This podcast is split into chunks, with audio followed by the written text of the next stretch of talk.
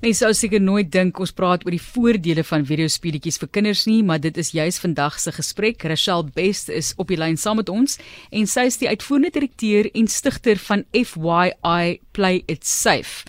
En ons gesels juis daaroor vandag sodat ons hoor watter voordele daar is. Mense dink aan tegnologie en om voor te bly met tegnologie. Welkom Rachel. Dankie Marlies, dankie vir die geleentheid.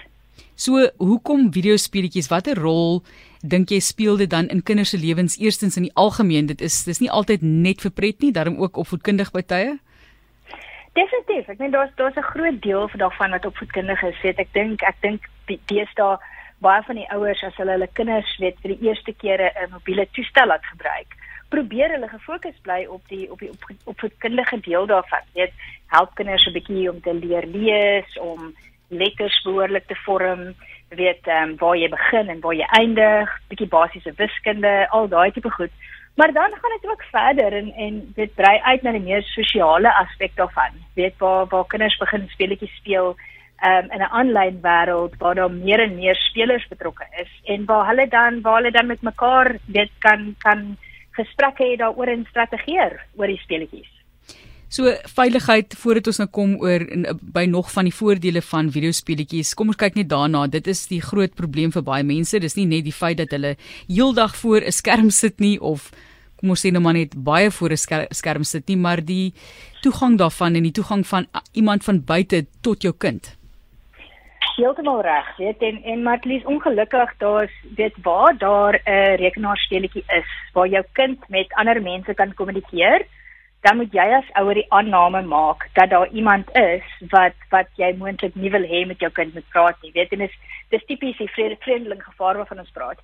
So so een van die risiko's wat ons wat ons definitief na moet kyk is vreemdeling gevaar en dit is om jou kind te leer om die onderskeid te tref tussen die persoon met wie hulle regtig praat en die fotootjie wat hulle sien weet wanneer wanneer hulle in, in so 'n tipe ehm um, aanlyn speletjie scenario is weet ek nou kyk as jy vir 'n kleiner kind, as jy vir 'n kleiner kind vra weet saam met wie speel jy of met wie praat jy, dan uh, dan sal hulle baie geneig om vir die foto te wys en vir jou te sê dis met wie hulle praat. Maar hulle kan nog nie lekker daai onderskeid tref ehm um, tussen tussen die werklike persoon daar agter nie. Weet en daarmee saam gaan baie van die baie van die aanlyn speletjies speel mense in spanne saam. So wanneer jy weet wanneer jou kind in 'n span saam speel en en daar's moontlik baie mense in daai span wat dalk geld betaal het om daai speletjie te speel en jou kind maak 'n fout en en veroorsaak dat die span verloor byvoorbeeld. Weet dan kan dit ook dan kan daar ook 'n cyberbully tipe scenario uitspeel waarvoor ons ook maar moet uh, moet moet bewus wees van. Ja, Rachel 3,2 miljard spelers oor die wêreld en uh, dan 'n kind wat deelneem en by 'n groepie aansluit voel soms geborge. Daar's daar's 'n gevoel van behoort tot of behoort aan. En ehm um, jy weet dis een van die voordele, maar terselfdertyd ook een van die gevare wat jy uitgewys het, nê, nee, want jy weet nie presies wie daai groep is nie. 100%. Weet so soos 'n land jy in 'n in 'n aanlyn omgewing is en en dis wat ek sê, weet as as jou kind in 'n speletjie betrokke raak en daar is hierdie tipiese kletskamer wat ehm um, wat al die al, al, al die mense in mee gesels ehm um, dan moet 'n mens die aanname maak dat daar moontlik mense is wat jy nie wil hê jou kind moet mee praat nie. So basiese veiligheidsreëls soos jy moet nooit jou persoonlike inligting deel nie. Moet nooit sê in watter skool jy is nie. Moet nooit jou regte naam uitgee nie. Weet nooit jou telefoonnommer uitgee nie.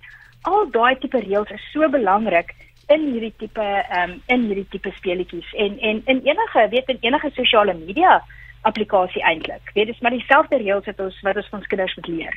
Nou daardie ehm um, eintlik ouderdomsbeperkings wat 'n mens kry wanneer jy 'n fliek kyk, jy weet die ehm um, tipe van naaktheid, geweld, vooroordeel, eh, daardie tipe van dinge.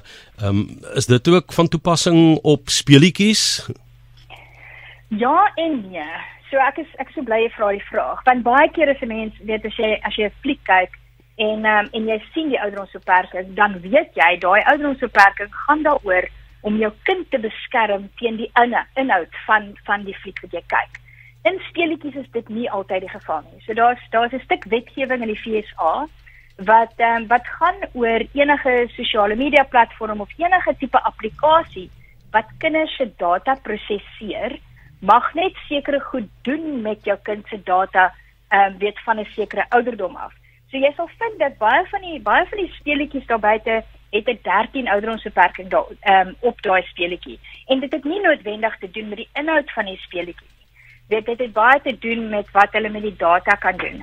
So daar is speletjies wat wat ouderdomsbeperkings op het wat gaan oor oor die inhoud daarvan, maar ek stel ook baie keer vir vir ouers voor Daar's 'n fantastiese webtuiste, um Common Sense Media wat wat ouers oor die algemeen gebruik om te gaan sê weet waaroor gaan 'n speletjie?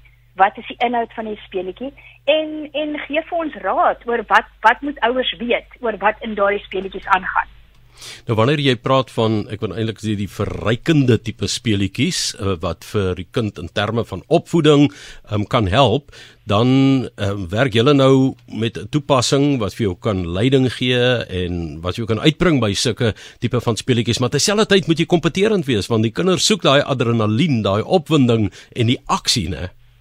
Natuurlik, weet jy, in in so baie keer weet as ons as ons nou kyk na opvoedkundige tipe speletjies as daar nie 'n bietjie opvoeding ingebou is daar of of 'n bietjie ehm uh, dit opwinding ingebou is nie, dan wil die kinders nie speel nie.